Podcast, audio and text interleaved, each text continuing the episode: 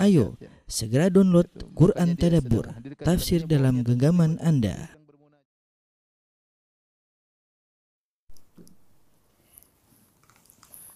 Bismillahirrahmanirrahim. Assalamualaikum warahmatullahi wabarakatuh. Alhamdulillahi ala ihsani wa syukru lahu ala taufiqihi wa amtinani. Asyhadu an la ilaha illallah wahdahu la syarika lahu ta'ziman li sya'ni. Wa asyhadu anna Muhammadan abduhu wa rasuluhu da'ila ridwani. Allahumma salli alaihi wa ala alihi wa ashabi wa ikhwani. Para ikhwan dan akhwat yang dirahmati Allah Subhanahu wa taala. Alhamdulillah pada siang hari ini kita dipertemukan oleh Allah Subhanahu wa taala untuk saling mengingatkan tentang pentingnya waktu ya. Sebagaimana dikatakan dalam uh, suatu pepatah Arab ya. Al-waqtu sayfun atau al-waqtu ka sayf illam taqta'hu qata'aka Ya. Wa nafsu in syaghaltahu bil haqq wa illa syagalatka bil batil. Ya. Waktu seperti pedang ya. Jika engkau tidak memotongnya maka dia akan memotongmu. Dan jiwa jika kau sibukkan untuk kebaikan, jika tidak dia akan menyibukkanmu kepada keburukan. Jadi waktu terus berjalan. Kalau tidak kita gunakan untuk kebaikan, maka bisa menyebab kita dalam keburukan. Ya.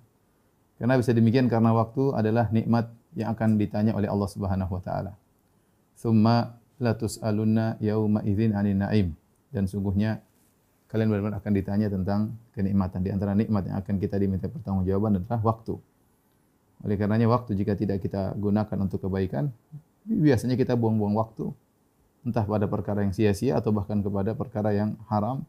Nah, akhirnya ini memper, memperbuat menjadikan kita semakin terpuruk di dunia maupun di akhirat. E, pembahasan tentang ini semakin penting terutama di zaman kita sekarang ini e, zaman medsos ya di mana waktu kita banyak untuk medsos ya, untuk Facebook, untuk YouTube ya, untuk Instagram dan yang lainnya ya. Sehingga kita semua ditimpa dengan penyakit fudul ya, uh, fudul yaitu apa berlebih-lebihan, fudul nazar, melihat yang tidak perlu, uh, sama uh, mendengar yang tidak perlu. Kemudian uh, fudulul kalam, berbicara yang tidak perlu. Dan itu kita semua terjatuh dalam penyakit tersebut ya. Sering kita kalau sudah browsing ya, apa yang kita lakukan yang tidak perlu yang kita yang kita lihat, melihat yang tidak perlu ya sehalaman demi halaman, link demi link, ya yang tidak perlu. Kemudian uh, mendengar yang juga yang tidak perlu dan juga berkomentar yang yang tidak perlu. Ya, ini kita alami semuanya bersama. Terkadang kita ingin fokus pada yang perlu, namun teman-teman kita mengirimkan kepada kita link-link yang tidak perlu, yang akhirnya kita pun melihat membuka link tersebut, akhirnya kita terpancing melihat link-link yang lain. Uh, karena bisa demikian kita terjebak dalam hal ini karena kita kurang menghargai waktu. Kita kurang menghargai waktu. Ya, seakan-akan waktu adalah perkara yang ya kalau ada alhamdulillah, kalau nggak ada nggak apa-apa. Tidak, padahal waktu itu nikmat yang tadi akan diminta pertanggungjawaban kasaif seperti pedang ilam taqta'hu qata'aka kalau kau tidak memanfaatkan maka kau akan terbabat oleh olehnya yaitu uh, kau akan terjebak dalam hal-hal yang uh, yang buruk ya. Uh, oleh karenanya Islam begitu memperhatikan masalah waktu. Kalau orang-orang barat mengatakan time is money ya, waktu adalah duit, maka kita orang Islam mengatakan al waktu agla minadz-dzahab, bahwasanya waktu lebih berharga daripada emas ya. Karena bisa demikian karena kalau waktu kalau emas pergi kita bisa cari lagi ya emas hilang kita bisa cari lagi, bahkan bisa lebih lagi emas tersebut. Ya. Tapi kalau waktu sudah pergi tidak akan bisa kembali lagi. Waktu tidak akan kalau sudah pergi tidak akan bisa kembali lagi, dia akan pergi dan akan dihisap oleh Allah Subhanahu wa taala apa yang kita lakukan dalam waktu yang telah pergi tersebut. Ibarat air mata kalau sudah keluar dari mata seorang tidak akan bisa kembali lagi. Ibarat kalau air susu sudah keluar dari puting seseorang tidak akan bisa masuk lagi ke dalam puting tersebut ya. Maka demikian waktu kalau sudah pergi tidak bisa uh, kembali. Oleh karenanya benar perkataan Al Hasan Al Basri rahimahullah taala dia berkata ya benar Adam innama anta ayyam. Wahai anak Adam Adam, sungguhnya engkau adalah kumpulan hari-hari. Fa idza dhahaba yaumun dhahaba ba'duk. Jika telah pergi uh, satu hari dari dirimu, maka telah pergi sebagian dari dirimu. Wa idza dhahaba ba'duka yushiku an yadhhab kulluk. Kalau sudah pergi sebagian dari dirimu, dikhawatirkan akan pergi seluruh seluruhmu. Artinya akan datang kematian. Ya, akan datang kematian, ya. Uh, inilah uh, hakikat waktu yang yang benar-benar diperhatikan oleh uh, uh, Islam. Oleh karenanya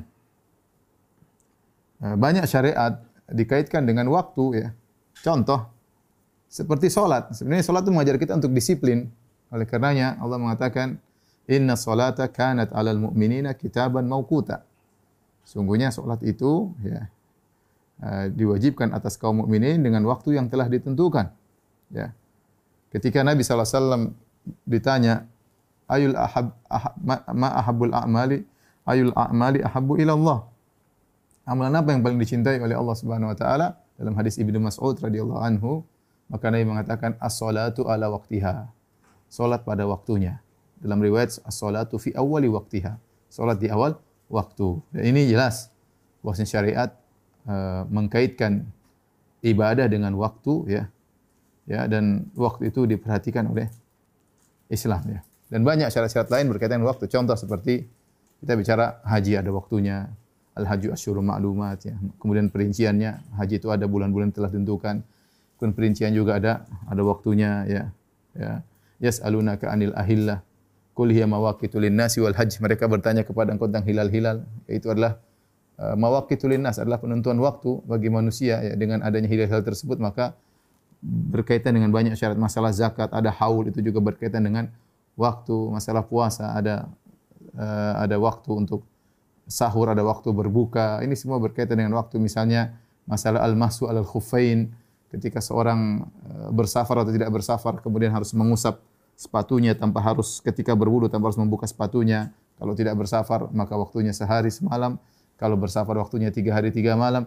Eh, ini semua berkaitan dengan dengan waktu. Jadi uh, Islam uh, sejak jauh-jauh hari sudah mengajarkan kepada penganutnya untuk perhatian terhadap terhadap waktu. Tapi kita akan jelaskan bagaimana perhatian syariat terhadap waktu dari sisi Al-Quran dan Sunnah Nabi Sallallahu Alaihi Wasallam. Ya.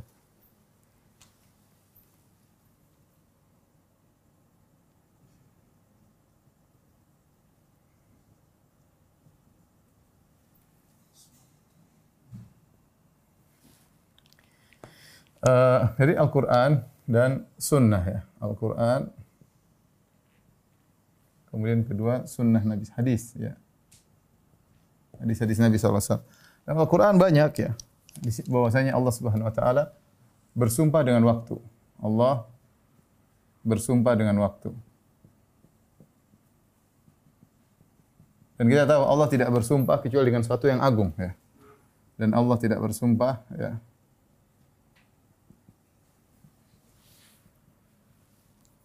kecuali dengan sesuatu yang penting.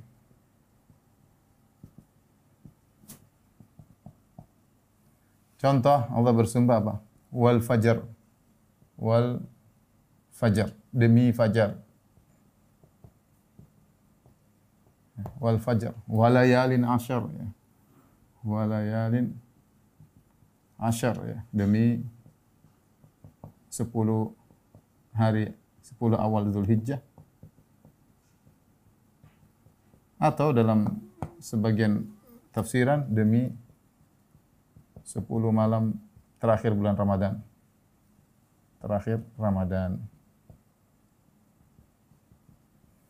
Contoh lagi, Allah bersumpah dengan misalnya uh, wan nahari ya. Idza tajalla wan nahari demi siang Allah bersumpah dengan waktu siang. Demikian juga Allah bersumpah dengan wadduha. Wadduha demi waktu duha.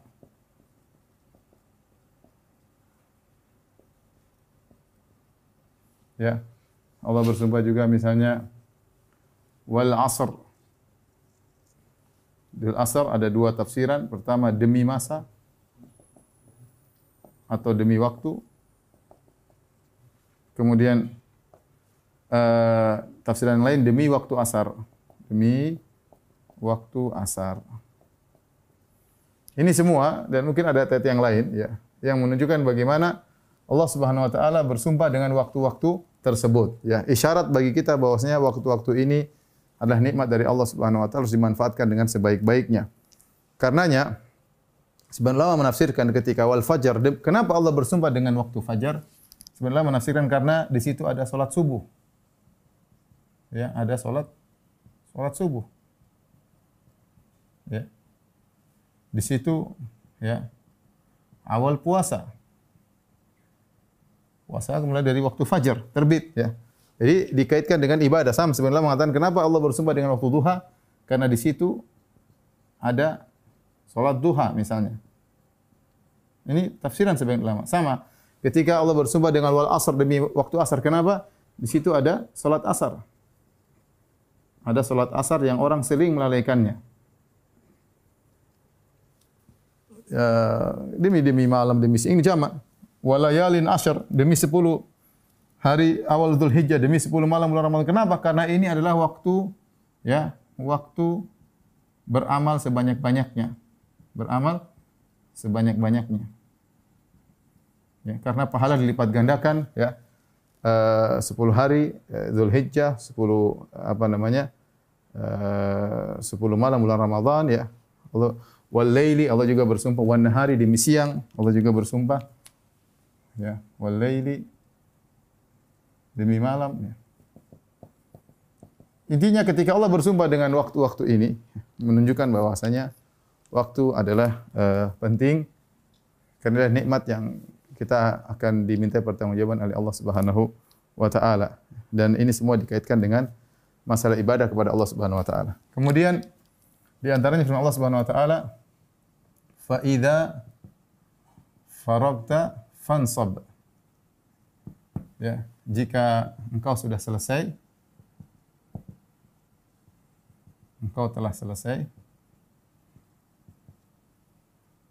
selesai ya. Maka menuju pada kegiatan berikutnya gampangannya demikian maka menujulah pada menujulah pada kegiatan berikutnya. Maksudnya yaitu isi waktumu dengan hal-hal yang bermanfaat. Sudah selesai, lanjutkan yang lain. Jangan malas-malasan, yaitu isi waktumu ya, dengan hal-hal yang bermanfaat. Jangan dibuang. Ya. Ini contoh. Eh, demikian juga Allah menyebutkan bahwasanya dalam ayat yang lain kata Allah Subhanahu wa taala bahwasanya siang dan malam adalah untuk mengingat Allah Subhanahu wa taala. Wa huwa alladhi dalam surat Al-Furqan wa huwa alladhi ja'ala al-laila wan nahara khilfatan liman arada ay yadhakkara aw arada syukura. Surat Al-Furqan kata Allah Subhanahu wa taala dan dialah Allah Subhanahu wa taala yang menjadikan malam dan siang bergantian, khilfatan. Itu malam dan siang bergantian. Waktunya adalah masa. Buat apa? Liman arada ayyadzakkara. Bagi orang yang hendak mengingat, mengagungkan Allah, au arada syukur atau orang untuk bersyukur. Jadi Allah ingatkan bahwasanya waktu pergantian siang dan malam, ya. Pergantian siang dan malam untuk apa? untuk tazakkur, untuk ingat Allah dan untuk bersyukur. Ini semua dalil bahwasanya uh, Al-Qur'an perhatian terhadap waktu ya. Hadis juga banyak ya. Bagaimana hadis Nabi sallallahu alaihi wasallam uh, menyatakan tentang pentingnya waktu. Contohnya hadis yang masyhur kata Nabi sallallahu alaihi wasallam uh, nikmatani maghbunun fihima katsirun minan nas. Dua nikmat yang banyak orang tertipu ya tertipu terpedaya atau ter, merugi maksudnya tertipu merugi ya pada keduanya. Apa kata Nabi wasallam? As-sihhatu wal faragh sihhatu wal faragh yaitu kesehatan dan waktu luang. Sehat dan waktu luang. Uh, di sini Nabi ingatkan apa namanya makbun? Makbun itu terpedaya. Dia tidak uh, seperti orang terpedaya seperti seorang beli sesuatu ya. Uh, dia, dia, dia beli cuma sedikit, ternyata itu barang sangat murah sekali. Dia cuma beli satu dua, padahal kalau dia tahu itu ternyata barang murah sekali, mungkin dia beli 100, beli 200. Dia dia, dia terpedaya, dia terpedaya. Maksud apa hadis ini? Hadis ini seorang menyangka waktu itu adalah perkara yang sepele padahal sangat besar di sisi Allah Subhanahu wa taala. Karena setiap detik yang lewat pada diri Anda berkaitan dengan kenikmatan yang akan Anda dapati di akhirat kekal selama-lamanya, ya. Jadi setiap detik yang Anda lewati, jadi banyak orang apa saya katakan ini terpedaya, ya, tertipu, merugi. Kenapa? Karena setiap detik, ya. Karena setiap detik yang dilewati mempengaruhi ya status Anda status di akhirat yang abadi ya. Setiap waktu itu punya punya pengaruh. Anda baca, makanya Nabi mengatakan la tahkirun minal ma'rufi syai'an. Uh, walau antal ko tahlik. Jangan kau meremehkan kebaikan sedikit pun meskipun hanya tersenyum ketika bertemu dengan kawan. Senyum berapa detik sih senyum? Ini ini ada pengaruhnya, ada pengaruhnya. Pengaruhnya di akhirat dan pengaruhnya abadi. Entah naik derajat surga lebih tinggi, tapi pengaruhnya abadi. Jadi maksud saya, inilah kenapa Nabi mengatakan banyak orang terpedaya. Ya, banyak orang. Jadi bukan bukan sedikit, apalagi kita bicara zaman sekarang. Ya, bukan cuma kita pun terpedaya. Kita ini ngomong begini, saya pun terpedaya dengan banyak waktu yang saya buang. Banyak waktu yang saya yang saya buang dengan adanya medsos ya. Saya punya meskipun yang pegang Instagram juga admin, yang meskipun yang pegang YouTube juga admin, meskipun yang pegang Facebook juga admin. Saya juga kan pengen lihat, pengen tahu perkembangan dakwah ya. Kadang-kadang saya buang-buang waktu, kadang-kadang saya lihat komentar yang tidak bermanfaat. Tapi itulah, semoga Allah mengampuni saya. Ya. Kemudian contoh lagi, Nabi SAW bersabda, Iqtanim khamsan qabla khamsin. Manfaatkan lima perkara sebelum lima perkara. Apa di antara kata Nabi sallallahu alaihi wasallam? uh, uh, syababaka qabla haramik. Kemudian sihataka qabla saqamik. Kemudian di antaranya adalah ghinaka qabla faqarik. Hayataka qabla mautik. Kemudian faraghaka qabla syughlik. Perhatikan kata Nabi sallallahu alaihi wasallam, manfaatkan lima sebelum lima. Manfaatkan lima lima perkara sebelum lima sebelum lima perkara. Apa saja? Masa mudamu sebelum tuamu, masa muda. Masa muda. Kita semua muda kayaknya ya. Alhamdulillah. Masih muda, masih muda. Bahkan yang tua pun merasa muda ya. Masa mudamu sebelum tuamu. Sehatika qabla saqamik. Sehatmu sebelum sakitmu. Ghinaka qabla fakrik. Mumpung lagi ada duit. Lagi ada duit sebelum miskin. Ada duit. Ya, Jangan pelit-pelit. Nanti udah miskin mau sedekah. Nggak bisa. Hayataka qabla waktik. Hidupmu sebelum matimu. Hidupmu sebelum matimu. Faragaka qabla syughlik waktu luangmu waktu luangmu sebelum sibukmu ya. Ini lima perkara yang Rasulullah ingat-ingatkan agar kita manfaatkan ya. Di sini Rasulullah SAW menyebutkan hidupmu sebelum matimu, waktu luangmu sebelum sibukmu, masa mudamu sebelum tuamu. Sebenarnya ini berkaitan dengan waktu semuanya. Mumpung lagi masih muda, berarti waktu muda. Makanya orang yang memanfaatkan waktu di masa muda itu luar biasa spesial. Makanya Nabi SAW sebutkan tentang tujuh golongan yang Allah naungi pada hari kiamat kelak. Di antaranya, syabun nasya'a fi ibadatillah. Anak muda yang menghabiskan waktunya di dalam ketaatan kepada Allah. Kenapa masa muda itu adalah waktu dia senang-senang, kan masih muda. Nanti uh, taubat kalau sudah umur 50 ya, atau sudah pensiun baru taubat. Masih muda. Tetapi ternyata orang ini di masa mudanya dia habiskan waktunya untuk Allah Subhanahu wa taala. Ya. Kemudian tadi kata Nabi, faragaka qabla syughlik. Waktu luang sebelum waktu sibukmu. Kita ada waktu luang, kita ada waktu sibuk, kita mengerti. Nah, waktu luang itu jangan kita uh, sia-siakan.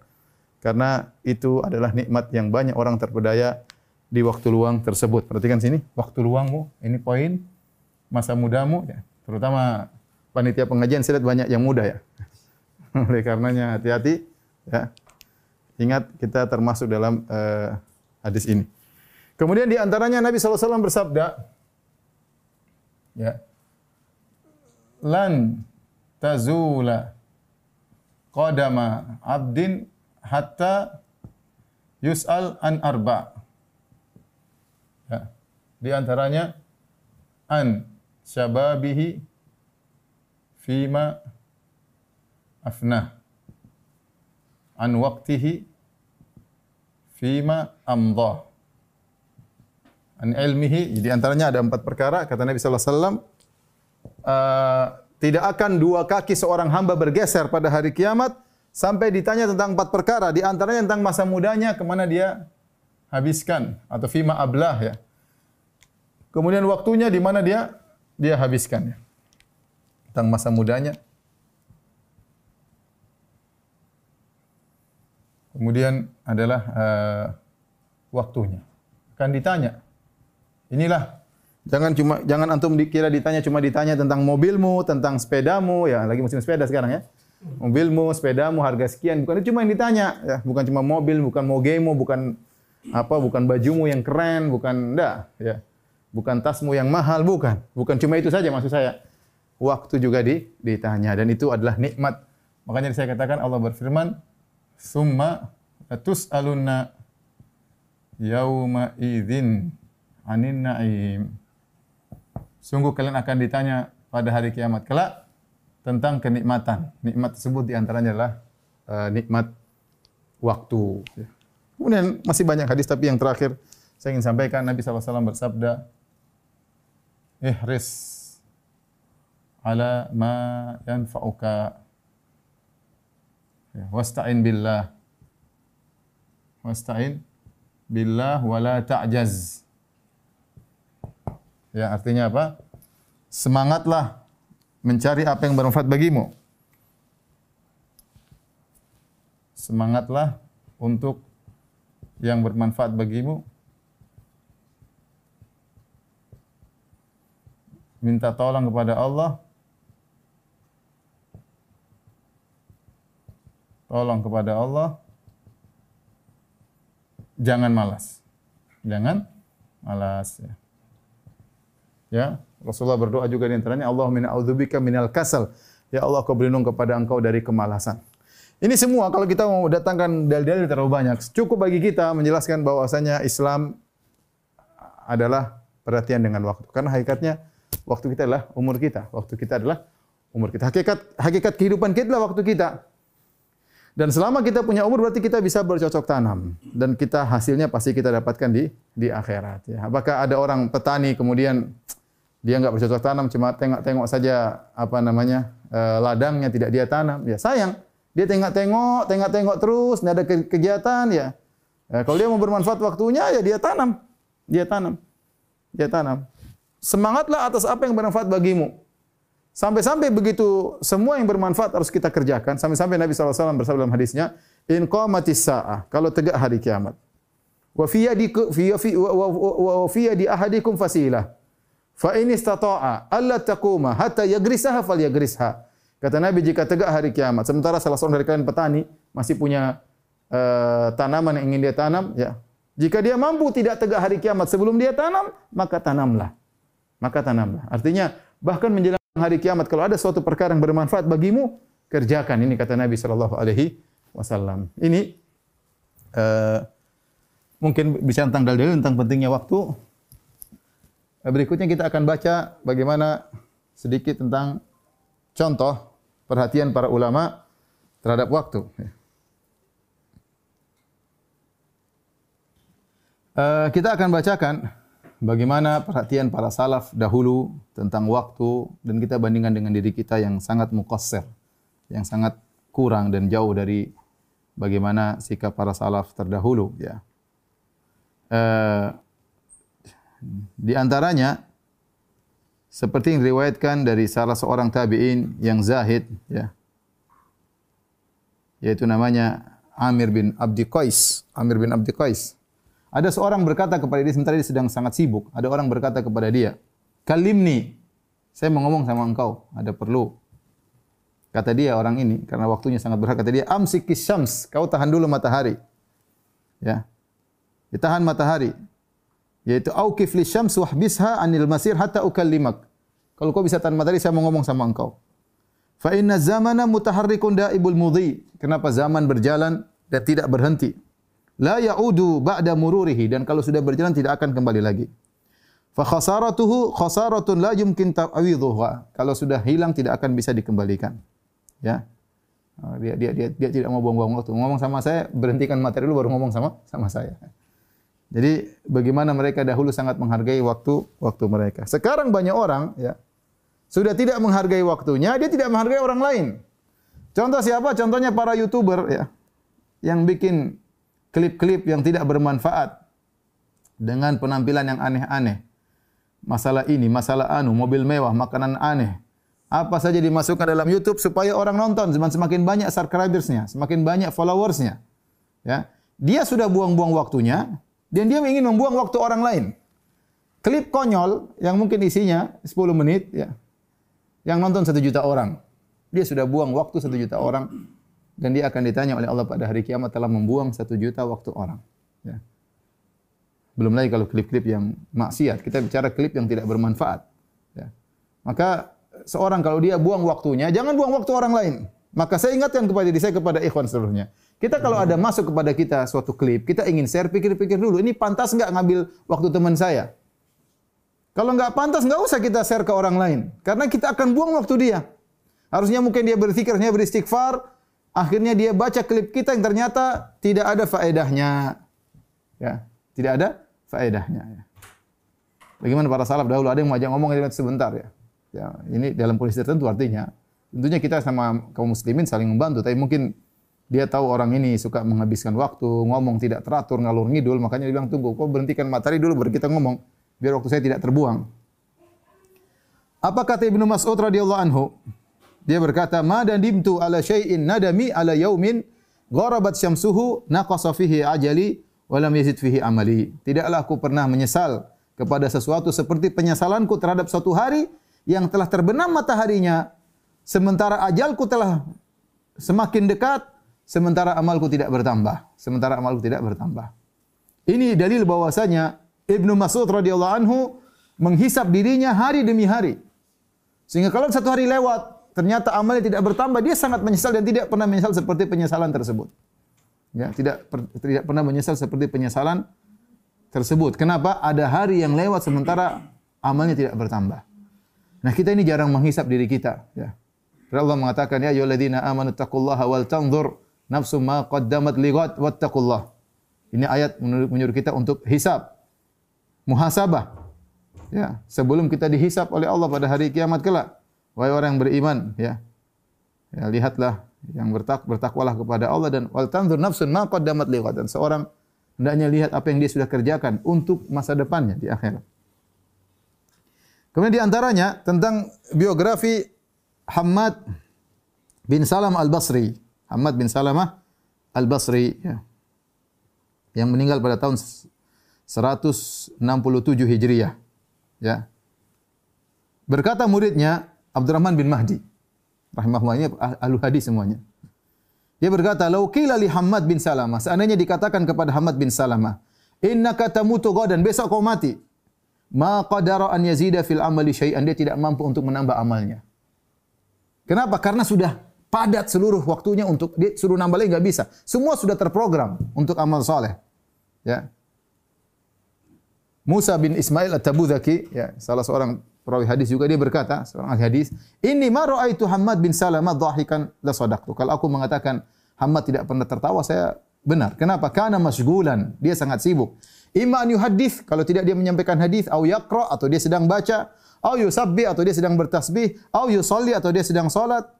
Qad wa qad qassama nahar ala dzalik. Dia bagi waktu siang dengan yang itu. Kalau enggak lagi ceramah, menyampaikan hadis, kalau tidak sedang baca, kalau enggak sedang salat, kalau enggak sedang bertasbih. Kalau disuruh nambah amal soleh enggak bisa. Dan ini dikatakan juga kepada kalau tidak salah Zadan ya.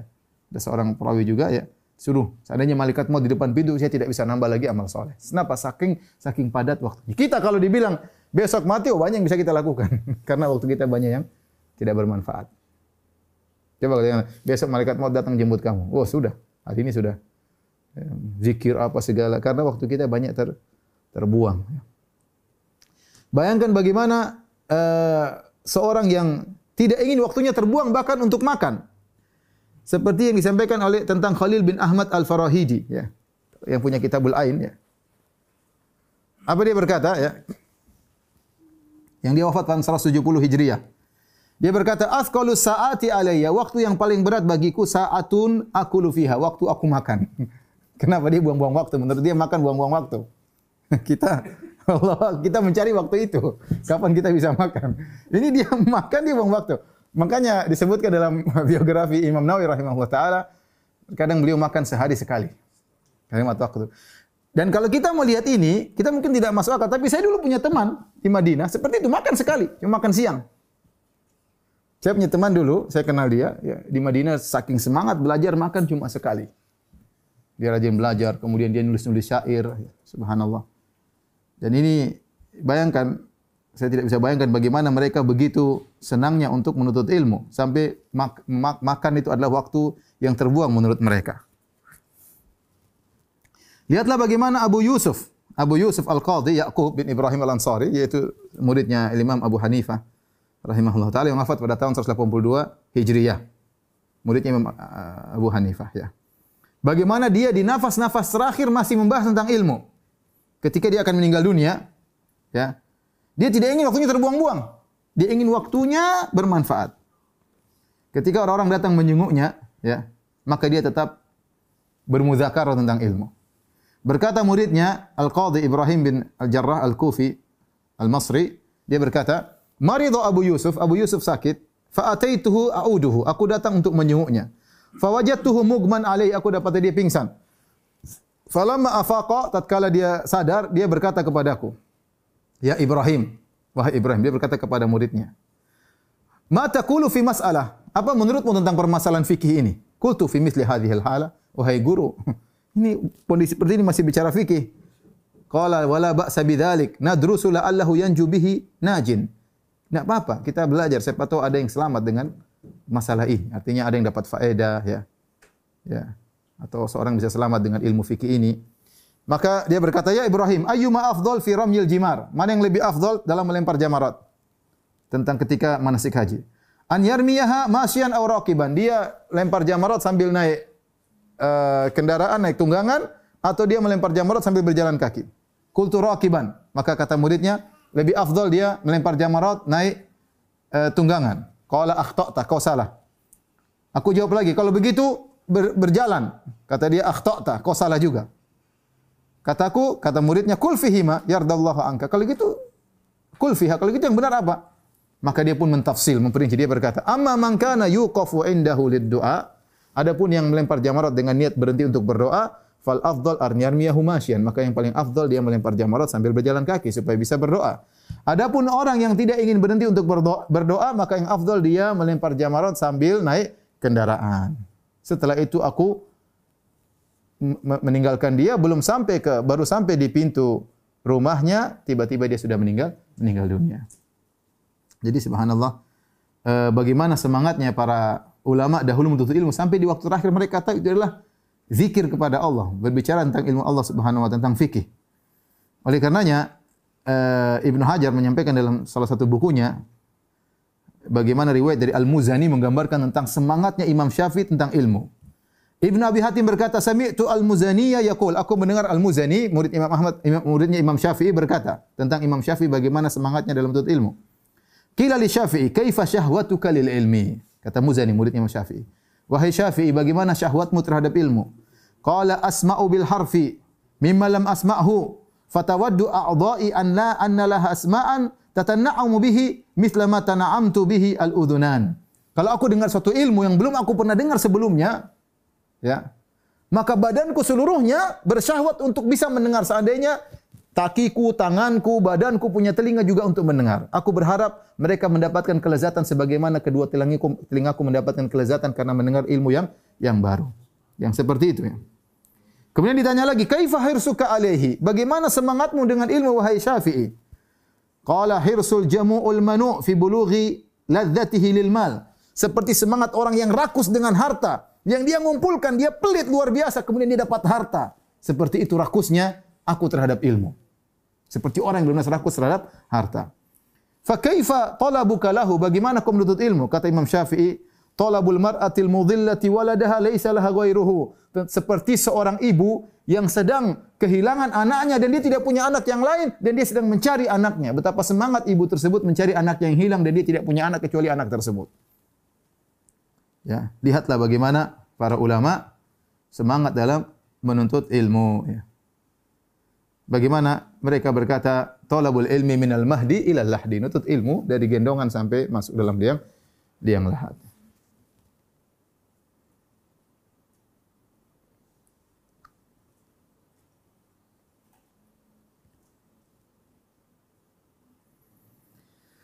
Banyak sekali ya kisah-kisah uh, para ulama, tidak, tidak mungkin saya bacakan uh, semuanya, tapi di antaranya tentang seorang ahli hadis atau seorang ulama yang membeli pena dengan dinar.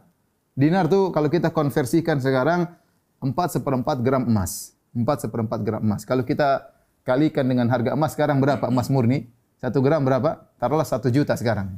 1 juta. 4 berarti 4 juta 250 ribu. Ya. 4 juta 250 ribu. Pena. Ya, pena nggak ada 4 juta. Pena paling apalagi ya murah lah. Ya. Uh, tetapi Isam bin Yusuf al-Balkhi seorang ah, ahli hadis dari madhab Hanafi yang wafat 215 Hijriah, dia pernah membeli pena dengan harga satu dinar untuk menulis apa yang dia dengar tatkala itu, tidak ingin terluputkan dari ilmu tersebut. Ya, kenapa? Karena ilmu, karena umur pendek dan ilmu luas. Ya, maka seorang harus ya jangan sampai waktunya pergi dan dia tidak memanfaatkan waktu tersebut untuk menuntut ilmu. Dan ini juga dilakukan oleh Muhammad bin Salam Al-Bikandi, ya. Ketika dia sedang menuntut ilmu di suatu majelis imla, majelis imla itu gurunya mengimla kemudian seorang menulis. Wa syekh yuhadditsu wa yumli. Sementara sang guru menyampaikan hadis dan mengimlakan. Tiba-tiba Muhammad bin Salam fankasara qalamu, penanya habis atau patah atau habis. Fankasara qalamu Muhammad bin Salam. Maka kemudian padahal sang guru masih terus ngomong, gimana dia nggak bisa nyatat. Maka dia selalu seorang bilang, kasih pengumuman. Kolamun bidinar. Siapa mau jual penanya satu dinar? Semua orang lempar penanya. dia tidak ingin waktunya terbuang. Semua lempar, gimana? 4 gram emas satu pena, pena paling 2000. Lihat bagaimana dia merasa yang penting waktu sangat berharga, ya meskipun harus berkorban dengan dengan uang sebanyak itu. Oleh karena kalau kita dapat di bagian para alul hadis ketika mereka mencari hadis, mereka buang-buang harta, ya. Berjalan, bersafar, beli buku, beli pena, beli ini. Banyak waktu mereka habis, duit mereka habis untuk uh, mencari ilmu hadis. Makanya dikatakan man talabal hadis aflas. Barang siapa mencari ilmu hadis maka dia akan bangkrut ya.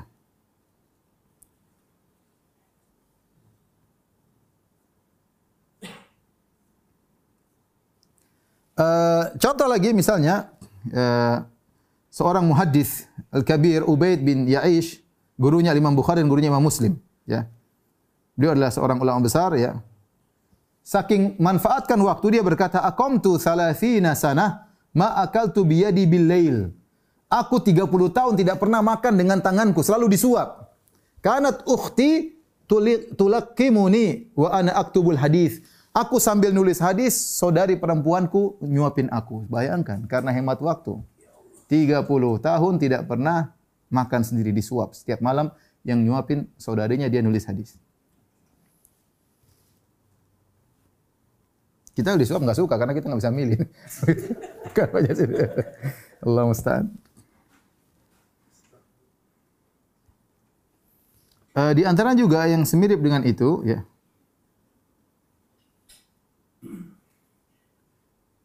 Seperti uh, tarjamah Muhammad bin Suhnun.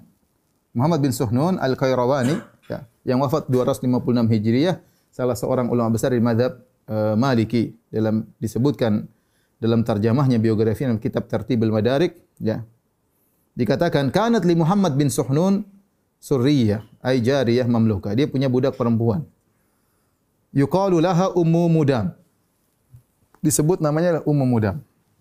Fakana indaha yauman suatu hari Suhnun berada Ibn Suhnun ini berada di Eh, di, di sisi sang budak wanita tersebut.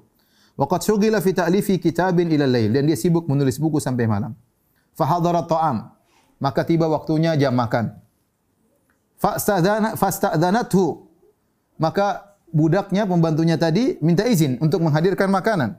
Faqala laha ana masghulun sa'ah. Saya lagi sibuk, nanti aja. Falamma tala 'alaiha al-intizar, tatkala sang budak ini nunggu lama-lama enggak enggak enggak makan-makan juga, ja'alat tulaqqimuhu ta'am. Maka Suhnun sambil asik menulis buku, sang budak karena dia baik, dia tidak perlu minta izin, dia datang dia suapin. Suapin majikannya tersebut. Hatta ata alaihi. Ya, wa tamada huwa ala ma huwa alaihi dan dia kasih makan dan dia sedang sibuk terus nulis enggak peduli. Sampai salat subuh. Malam nulis terus sampai salat subuh. Ya. Akhirnya ketika selesai salat subuh maka dia bilang mohon maaf kepada budaknya dia bilang Syughilna ankil lailata ya umma madam. Ya umma mudam. Mohon maaf, saya sibuk enggak perhatikan engkau malam ini wahai budakku. Hatma indak, mana makanan? Kata dia, wallahi ya sayyidi. Saya sudah suapin kau sudah habis dari tadi. Masyartu bidzalik. Aku tidak sadar. Saking benar-benar dia tenggelam dengan ilmu, nulis sampai lupa kalau sudah disuapin. Mana makanannya? Lu sudah habis. Jadi ini yang disebut salah satu sebab uh, disebut oleh para sebagian uh, ahli sejarah sebab kenapa Al-Imam Muslim rahimahullah taala meninggal dunia. Di antaranya demikian. Satu hari Imam Muslim uh, sedang bermuzakarah tentang hadis. Ada satu hadis dia tidak tahu ya. Dia tidak tahu ya. Suatu ada majelis muzakarah dia tidak tahu tentang hadis tersebut. Maka dia pun pulang ke rumahnya. Dan itu sudah malam hari maka dia penasaran ya maka ketika dia sedang mencari hadis tersebut dibawakan satu keranjang korma Ya, maka dia pun sambil nyari korma dia makan terus, makan terus, korma terus. Sampai korma satu keranjang habis, dia tidak sadar, dia lagi asik terus nggak nggak terasa. Kita makan camilan ini korma berat ya. Akhirnya dapat hadis. Ketika dapat hadis, ya ternyata perutnya sakit, akhirnya beliau meninggal meninggal dunia. Ya. Ya, mudah-mudahan mati syahid karena barang saya meninggal karena penyakit perutnya, maka fahuwa syahid, maka mati syahid. Ya. Inilah uh, ikhwan dan akhwat yang dirahmati Allah Subhanahu wa taala masih banyak kisah-kisah para ulama tentang hal ini ya. E, tentunya tidak bisa kita bacakan semuanya. Tapi saya sebutkan contoh sederhana yang ada di ulama zaman sekarang seperti Syekh Albani rahimahullah taala disebutkan kalau beliau sudah di maktabah kemudian beliau naik tangga kemudian beliau ngecek hadis terkadang beliau enggak turun-turun dalam waktu yang lama karena lagi baca di atas tangga. Ya. Kenapa? Waktunya tidak ingin terbuang. Ada turun lagi, naik lagi enggak. Dalam kondisi berdiri baca dalam waktu yang eh, yang lama. Ya.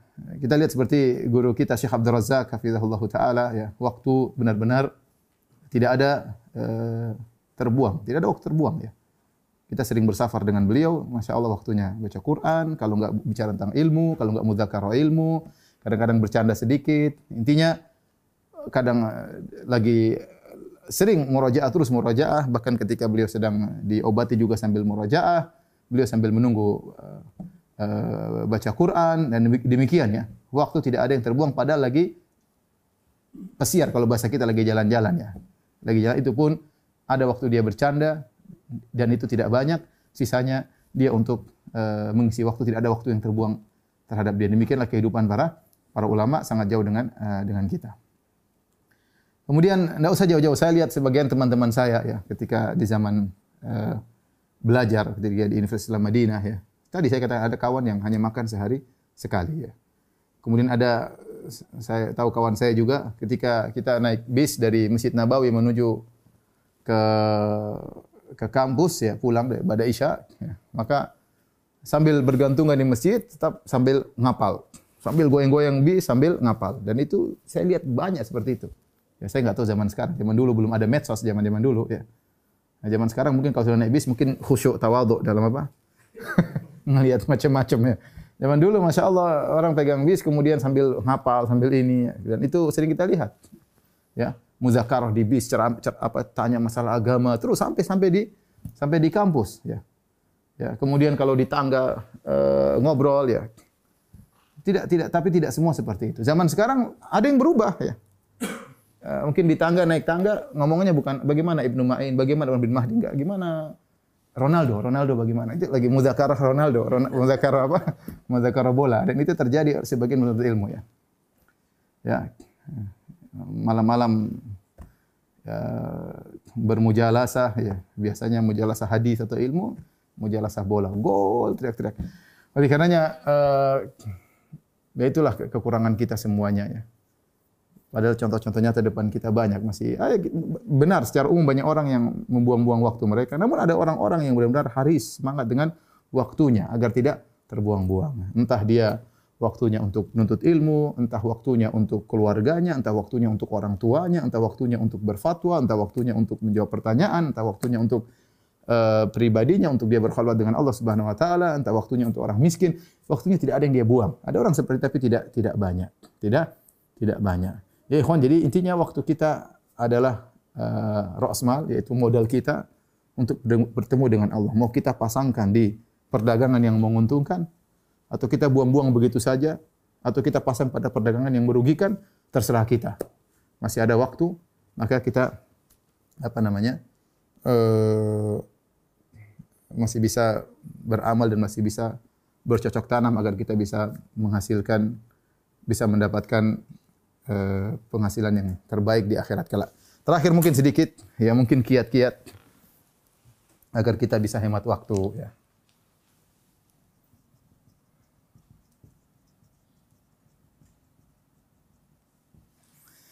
Ini semuanya menyakitkan ya, karena kita semua melanggar. Antaranya ya, jangan terlalu banyak grup. Banyak apa? grup WA, G W A ya, ya. Grup WhatsApp. Ini bikin banyak grup, banyak-banyak buang waktu. Sudah jelas otomatis. Semakin banyak grup, semakin banyak waktu terbuang dan itu otomatis ya. Meskipun kita nggak buka, ting tang tung aja sudah mengganggu. Apalagi kalau kita kita buka ya. Buka ya ini pasti ya. Kemudian apa lagi? Terlalu banyak akun. Ini juga jelas menghabiskan waktu ya waktu buka untuk IG, untuk Facebook, untuk YouTube, untuk Twitter, untuk macam-macam, pasti kita akan membuang-buang waktu. Niatnya ingin nonton Ustadz ceramah. Nonton Ustadz ceramah satu jam, nonton berita lima jam, nonton film empat jam. Waktu Ustadznya satu jam setengah. Itu pun sambil ngantuk-ngantuk nontonnya. Masya Allah. Jadi kenyataannya kita sekarang dirusak semua oleh medsos waktu kita terbuang. Sehingga Quran tidak sempat baca. Kalau ditanya, wah sibuk. Sibuk apa? Sibuk medsos. Mana sibuk baca Quran? Keluar lagi aduh target belum enggak ada. Enggak ada, bukan sibuk, sibuk medsos ya. Kemudian jadi jangan ya. Jangan terlalu banyak akun. Kemudian jangan lupa target dijadwalkan waktu. Kebanyakan orang berhasil karena dia menjadwal, menjadwalkan waktunya. Orang menjadwalkan waktu, menjadwalkan waktu itu orang yang menghargai waktu. Ini orang yang menghargai waktu. Dia tahu waktunya bernilai, ya. Ya, kita para para pengusaha dia pasti punya targeting, dia pasti punya uh, pengaturan, dia punya manajemen. Ya, demikian juga dunia oke kan Rasulullah mengatakan ihris ala ma yanfa'uk. Uh, semangatlah untuk yang bermanfaat bagimu. Dunia demikian juga akhirat, akhirat juga punya target. Kita ngaji punya target nih. Saya pengen ngerti akidah, saya pengen ngerti fikih, saya pengen ngerti bahasa Arab. Ya, kita punya target ya. Saya pengen punya hafalan, saya punya target. Sebulan satu surat, nggak apa-apa, tapi ada target. Daripada lima tahun satu surat pun nggak nambah, kenapa? Nggak ada target. Bedanya orang punya target meskipun satu bulan satu surat, meskipun satu tahun surat, tapi dia punya target. Dia punya target. Nah, orang kalau punya target, dia akan punya injazat, produktivitas yang banyak. Dan itu pasti terjadi. Kenapa? Karena insya Allah, maksudnya biiznillah dengan izin Allah itu terjadi. Kenapa? Karena dia menghargai waktunya dan Allah tahu usaha dia. Orang yang berhasil itu seperti itu. Antum kira para ulama tidak menjadwal, mereka menjadwalkan diri mereka. Punya waktu untuk ini, punya waktu untuk baca, punya waktu untuk ini, punya waktu untuk ketemu murid, punya waktu untuk munakosyah, ya, punya waktu untuk ibadah sendiri, punya waktu untuk merojaah. Mereka punya Mereka bagi waktu supaya bisa berhasil. Mereka bagi bagi waktu. Kenapa? Karena waktu itu mahal. Tadi dalam Islam al waktu agla min dzahab. Waktu lebih mahal daripada emas. Waktu lebih mahal daripada emas. Jadi ini sangat penting seorang menjadwalkan eh, menjadwalkan waktunya. Jam sekian saya gini, jam sekian segini. Kalau kita sudah bisa menjadwalkan waktu, kita bisa banyak waktu buat keluarga. Kita bisa punya banyak waktu buat jalan-jalan. Kenapa? Karena kita sudah waktu, target sudah selesai. Ah, saatnya saya senang-senang sama keluarga. Saatnya saya ngobrol sama keluarga. Tapi kalau kita nggak teratur, ini lagi ngetik, ah sambil lihat-lihat. Kapan selesainya ngetik? Film juga nggak selesai. Akhirnya nonton ini, nonton nontonan nggak ada manfaatnya. Ngetik pun tidak selesai, baca ini nggak selesai. Ya Allah. Terus apa yang kita produktivitas yang sudah kita bisa kita bawa di hadapan Allah di kemudian hari. Tidak ada. Waktu kita ter, terbuang. Kita sekarang mikirlah, antum sekarang umur sudah berapa?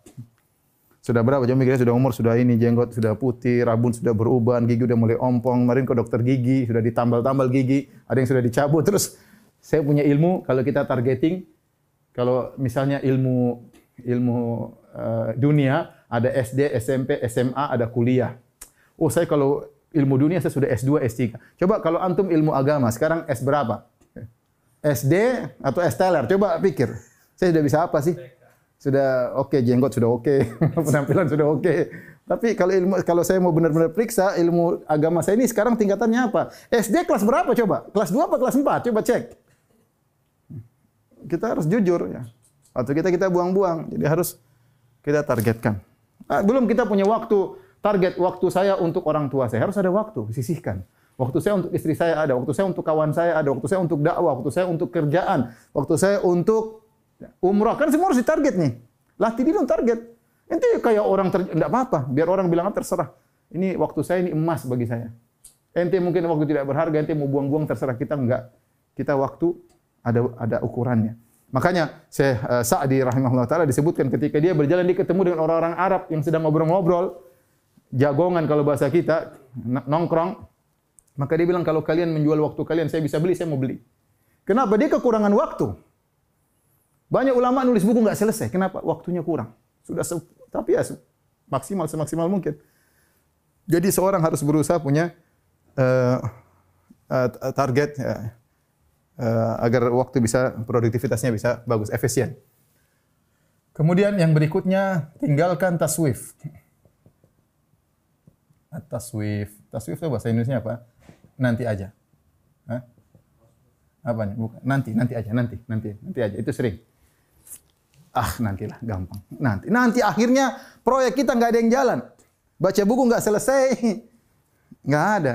Baca ini, baca Quran nggak selesai, baca buku nggak selesai, ngaji nggak selesai. Nanti, nanti, nanti, nanti, nanti. Orang yang menanti, nanti, nanti saja, nanti saja itu seakan-akan waktunya banyak. Dia nggak tahu tiba-tiba malaikat maut mencabut nyawanya. Kalau kita punya sesuatu, kita kerjakan serius.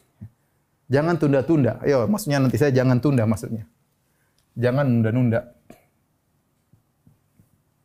Yang bisa kita kerjakan, kerjakan sekarang. Yang nggak bisa ya nggak apa-apa ditunda. Selama bisa kita kerjakan sekarang, kerjakan sekarang. Ya. Selama bisa kerjakan sekarang, maka kerjakan sekarang.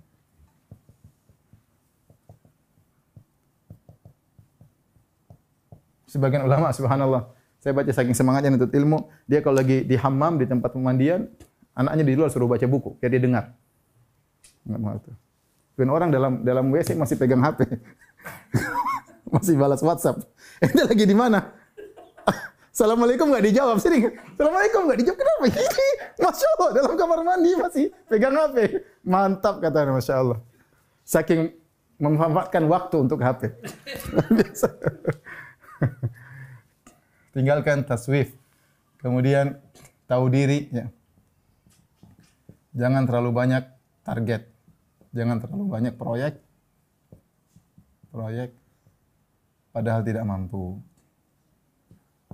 Ya, seorang harus tahu diri kemampuannya sampai di mana. Pinginnya ini, pinginnya anu. Dunia maupun akhirat ya. Seorang, saya pingin jadi ini. Tahu, kemampuan nggak ada baca buku nggak paham-paham terus malas lagi terus mau jadi ulama besar ya boleh bercita-cita tapi harus sesuai dengan target yang mampu kita mampu. Sama seorang punya proyek dakwah, ikut dakwah sana, ikut dakwah sini, tapi nggak ada yang berhasil. Dia tidak bisa mengontrol semuanya. Bikin ini buka anu, buka ini, buka ini, akhirnya proyek nggak nggak Nabi bukan karena mengatakan innallaha yuhibbu idza amila ahadukum amalan an yutqinahu. Allah suka kalau seorang melakukan suatu pekerjaan dia profesional. Mending tidak banyak-banyak tapi profesional daripada banyak sekali tapi enggak terkontrol seluruhnya ya. Ya ini ini harus kita perhatikan agar ini semua agar kita bisa menghemat waktu. Demikian saja ikhwan dan akhwat dari mana? Nogosari ya.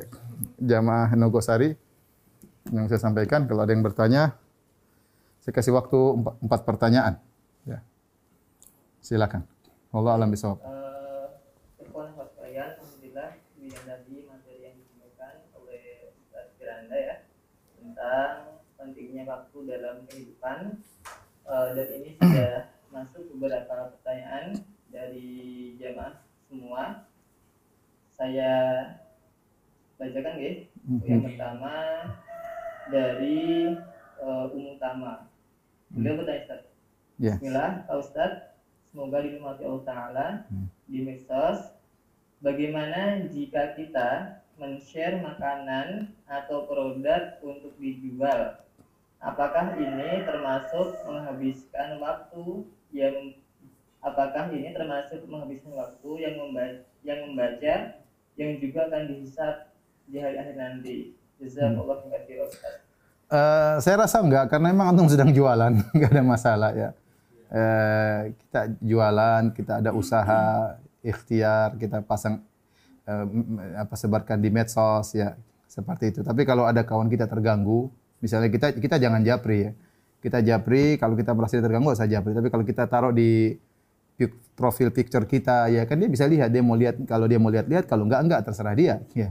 Tapi kalau kita kirimin ke kawan-kawan, ya kalau ada yang terganggu maka tidak usah kita kirimin. Tapi kalau dia tidak terganggu nggak ada masalah ya, karena kita boleh eh, iklan ya. Yang dituntut dia, dia jangan lihat yang tidak bermanfaat bagi uh, bagi dirinya. Toh jualan ini ada manfaatnya. Lain halnya dengan klip-klip yang tadi yang bikin rambut warna-warni dalam mobil mewah lah apalah yang terkadang uh, tidak ada manfaatnya yang hanya buang-buang waktu uh, kaum muslimin yang lain. Allah alam bisawab. Baik, Ustaz, kita masuk ke pertanyaan yang kedua. Ini dari Afuna Arum Syabara.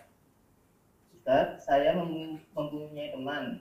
Dia bertanya tentang perbedaan menangis dari hati dan tangisan dari bisikan setan. Soalnya teman saya selalu menangis dalam sholat. Dia menyadari bahwa Allah Maha Pengampun, tetapi dia selalu tak merasa pantas. Dia mudah sekali menangis tetapi yang dia takuti itu itu tangisan lewat bisikan setan. Sebisa mungkin dia menyempurnakan amal. Tetapi di situ juga dia merasa selalu tidak bisa sempurna agamanya. Dan dia sehingga dia selalu menangis dalam sholatnya. Barangkali ini diminta tanggapannya saja Ya, tidak apa-apa. Eh, bagus orang banyak menangis dalam sholatnya, apalagi dia bersendirian dan itu menunjukkan tangisan yang tulus kepada Allah Subhanahu Wa Taala. Dan insya Allah itu menangis karena Allah. Di antara yang menangis tadi karena dia merasa amalnya tidak sempurna, atau dia takut dengan dosa-dosanya, atau dia bikin keagungan Allah, atau dia menangis karena berharap masuk surga, atau dia menangis karena takut kepada neraka. Jika tangisannya masih berputar sekitar ini, berarti dia menangis karena Allah Subhanahu wa taala. Kita tidak usah suudzon ya. Insya Allah kalau kita sudah berusaha, yang penting kita nangis tatkala bersendirian, bukan di hadapan banyak orang ya. Karena kalau sudah bersendirian, kita mau kita mau riak kepada siapa ya. Kemudian tadi kita tahu tangisan kita karena hal-hal yang syar'i, maka insya Allah itu anugerah dari Allah ya. Karena di antara doa Nabi, "A'udzubika min ainin la tadma." Aku berlindung dari mata yang tidak menangis. Silakan dua yang terakhir lagi. Baik, Ustaz, uh, kepada yang ketiga, hmm. akun Andika Gilang, mohon untuk di unmute uh, handphonenya dan dinyalakan video di HP-nya. Monggo, akun Andika Gilang.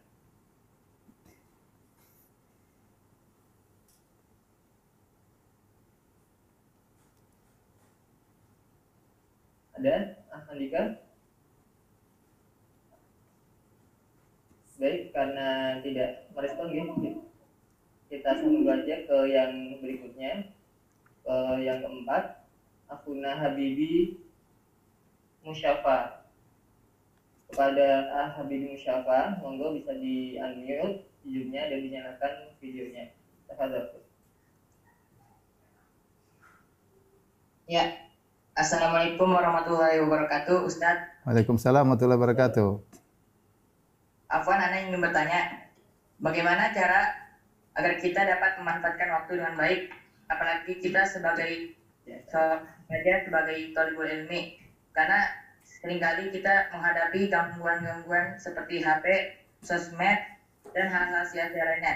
Bagaimana cara istiqomahnya dengan baik, Ustaz? Caranya khairan. eh, HP-nya dijual pertama. Kalau bisa hidup tanpa HP itu yang terbaik ya. Kalau tidak bisa maka penggunaan HP ada waktunya dijadwalkan. Karena HP itu tidak bisa kita tinggalkan dan kalau kita sudah pegang nggak mungkin kita tidak buka-buka. Oleh karenanya HP-nya dijadwalkan. Jangan sering pegang HP ya. Kalau waktunya baca Quran HP-nya dimatiin. Matiin, matiin benar-benar offline. Kalau kita baca Quran sambil ting ya gimana kita mau baca Quran? Gimana kita mau konsen eh, membaca? Kalau waktunya baca nanti kalau selesai nyalain lagi nggak ada masalah. Dan lagi nggak ada nggak ada masalah ya. Saya sering, saya sering sampaikan saya ketemu dengan seorang waktu saya di Abu Dhabi, Abu Dhabi di Imarat ya. Saya ketemu dengan seorang lelaki, dia tidak punya HP. Terus bilang, antum gimana ya? Saya pakai HP istri saya, adapun saya saya tidak pakai HP. Kenapa? Dia takut dia terbuang-buang waktunya, ya, sehingga dia memilih tidak pakai pakai HP. Ya. Kalau ada yang bertanya, Ustaz apa mungkin ada orang hidup tanpa HP? Buktinya ada itu orang saya pernah ketemu. Bukan di bukan di kampung di daerah dekat Nogosari, bukan. Ini di Abu Dhabi, di negeri atau kota yang sangat sangat maju ya. Tapi demikian saja ikhwan dan akhwat yang dirahmati Allah Subhanahu wa taala kajian kita pada kesempatan kali ini insyaallah kita bisa bersua di kesempatan yang lain kurang lebihnya saya mohon maaf.